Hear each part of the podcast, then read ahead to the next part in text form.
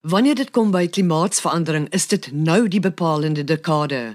So sê die hoofwetenskaplike van Conservation International, Johan Rockstrom. Politici word genoop om op te tree na die bevindinge van die interregeringspaneel oor klimaatsverandering wat 'n uiters donker prentjie skilder as kweekhuisgasse nie gou drasties verlaag word nie. Ons gesels vandag hier in die kookstuig met die hoofuitvoerende beampte van die Landbou Sakekamer Agbus, Dr John Purchase, 'n man wat al diep spore in Suid-Afrika se landbousektor getrap het. Dr Purchase, die onlangse ontvanger van Frankryk se orde vir landboumeriete, verduidelik via Skype hoekom dit so belangrik is dat wêreldleiers nou verenig. Die program word tegnies versorg deur Lindsey Johnson. Dr Purchase daar word wêreldwyd beroep deur wetenskaplikes op politici en ander beleidsmakers gedoen om hulle gewig agter die stryd teen klimaatsverandering te gooi. Val dit nog grootliks op doewe ore? Ja en nee, ek dink wat ons sien is dat baie lande begin al hoe meer besef wat die erns van die situasie is. Uh, ek dink veral in Europa en as mens ook kyk na die maatreëls wat hulle reeds geïmplementeer het oor die algemeen en ek praat van lande soos Denemarke en uh Duitsland selfs die Verenigde Koninkryk en en 'n paar ander ook. Maar daar's nog steeds probleme in veral lande soos Amerika uh waar Donald Trump eintlik maar nog steeds 'n ontkenner is en dit is sogenaamde hoax noem. In China uh begin hulle met 'n beleid van vermindering van koolsuurgasse en dis meer, maar nog steeds het dit nie die heeltemal die traksie gevind wat eintlik nodig is om 'n verskil te maak nie. So ja, daar seker lande wat dit begin toepas, maar baie ander lande wat groot rolspelers is in die wêreldekonomie en groot is met die die uit uh laat van gasse soos uh koolstofdioksied wat 'n probleem hier is. Maar China en Amerika is supermoondhede. Gaan dit nie die uitkoms van hierdie stryd teen klimaatsverandering beïnvloed nie? Ja, ek dink as mens kyk na waarna toe ons moet gaan, die onmiddellike teiken nou is 1.5 grade Celsius verwarming. Ons kan nie bo daai drempelwaarde gaan nie. Tans lê ons by min of meer 1 graad uh Celsius bo wat beskou word as die langtermyn normaal of gemiddeld uh, wat nou gepaard gegaan het met sogenaamde mensgemaakte aardverwarming. As ons na 2 grade Celsius toe gaan, dan gaan ons werklik in baie groot probleme in hardloop. Ek dink die interregeringspaneel op klimaatsverandering het dit baie duidelik aangedui. So dit is baie duidelik dat uh, regerings moet inkoop op hierdie vermindering van aardverwarmingsgasse en baie strenger maatreëls begin toepas in die proses. U praat nou van die interregeringspaneel. Hulle sê jy weet as die temperatuur met 2 grade styg in die res van die wêreld, styg met dubbel die getal in Afrika. Is dit nie vir julle uiters kommerwekkend veral vir die landbousektor nie? Ja, ons is definitief bekommerd van die uh, landbousektor se kant af. Duidelik is begin aardverwarming 'n rol speel in in klimaatsverandering uh, en ons kan selfs veranderde patrone in Suid-Afrika al hoe meer begin waarneem. Ook meer ekstreme uitkomste van of uh, meer ekstreme weersverskynsels wat voorkom. So definitief is ons bekommerd in Afrika. Afrika word ook uitgewys as een van die kontinente wat die meeste geraak kan word deur klimaatsverandering. So natuurlik is ons bekommerd wat die impak gaan wees op die landbou in Afrika maar spesifiek ook in Suid-Afrika.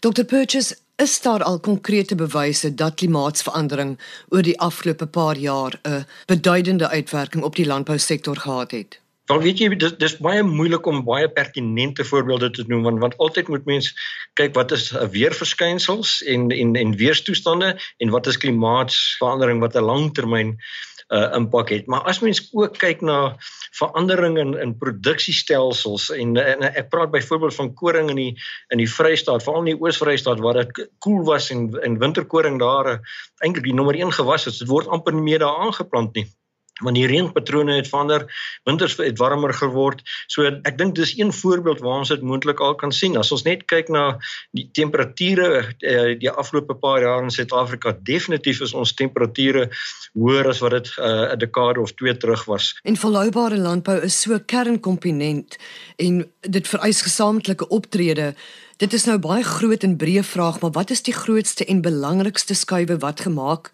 moet word as teenvoeter teen klimaatsverandering? Ja, ek dink wat ons sal moet gaan kyk waar die impakte is, watter gewasse is waar aangepas in in in 'n nuwe omgewing. Ons sal moet gaan kyk wat die impak op reënvalpatrone is. Ons sal baie meer behendig wees en baie meer uh doeltreffend wees in ons watergebruik watergebruik met met verbouing van het sy grane en en en uh vrugte en groente en dis meer ook die diere impak wat ons het uh met aardverwarming sal ons mooi moet gaan kyk wat wat daardie impak is. Ek dink die groot ding is sogenaamde climate smart agriculture wat ons moet inbring en eintlik bewarings uh, landbou, sogenaamde conservation agriculture.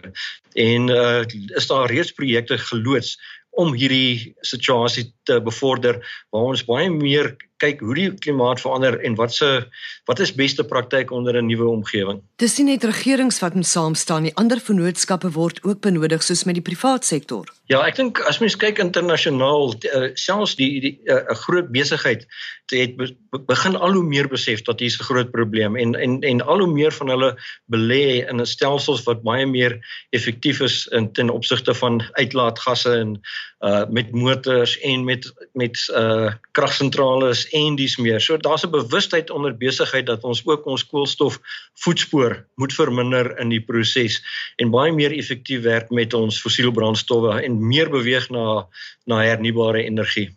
En watse rol kan Agbus speel om dit te help bereik? Ja, ons speel eintlik al 'n uh, reeds 'n rol van 2008 af het ons baie sterk aanbeveel dat baie van ons landboubesighede sogenaamd van die die uh, netwerk moet afgaan, die kragverspreidingsnetwerk of off grid soos hulle in Engels sê. En ons sien 'n klomp van ons landboubesighede het dit tot 'n mate reeds gedoen. As jy mens net kyk as uh, as met 'n paar name kan noem, BKB se wolskiere, die 2 hektaar wolskier in Port Elizabeth het hulle totaal onder sonpanele gesit.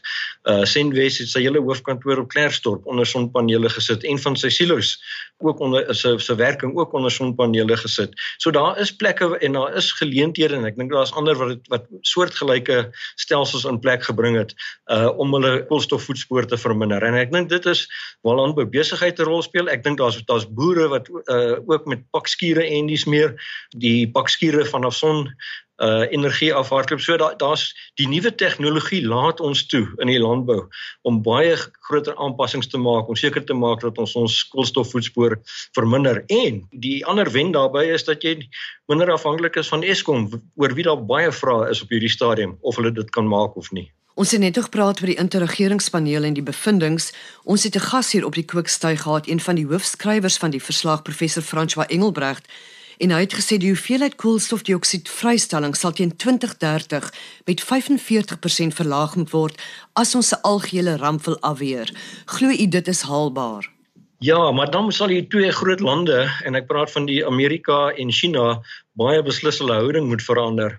Amerika en China is verantwoordelik vir 40% van die wêreld se se gasse wat uh, uitgelaat word.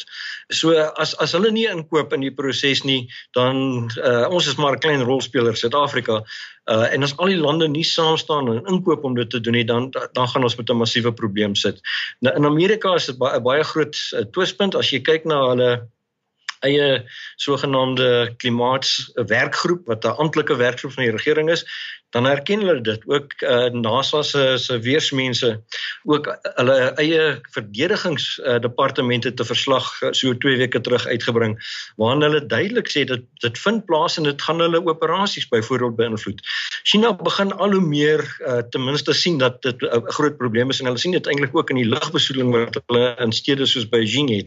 Maar as hulle nie inkoop nie, gaan ons 'n baie groot probleem hê. In Suid-Afrika het ons ook wetgewing begin proklameer die die sogenaamde koolstofbelastingwet en ons dink dit is 'n stap vorentoe, maar ek dink die manier hoe hulle dit wil implementeer is daar nog probleme. Ons praat nog met die regering daaroor, maar ten minste begin ons het ons ingebind tot teikens en besef uh be, groter besigheid in Suid-Afrika ook dat ons moet ons koolstofvoetspoor in Suid-Afrika beperk. Maar die groot probleem in Suid-Afrika is eintlik maar Eskom, want ek bykans 50% van ons uh koolstofvoetspore is direk afkomstig van ons steenkoolkrag kragsentrales en ons moet dit eintlik sterk verander en baie meer beweeg na hernubare energie selfs binne Eskom uh, verband. Dit was Agbus se hoofuitvoerende beampte Dr John Purchase.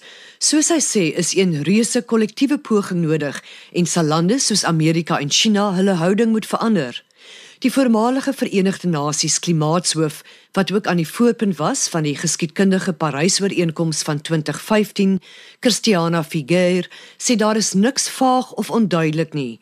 Die bewyse van klimaatsverandering is daar en sonder kollektiewe en daadwerklike optrede is onomkeerbare gevolge ons voorland, 'n toekoms wat geen beleidsmakers sal wil inlei of verantwoordelikheid voor sal wil neem nie. Die program word ondersteun deur die Wes-Kaapse Departement van Landbou. Ons groet tot volgende week. Onthou die aarde is kosbaar. Kom ons bewaar dit.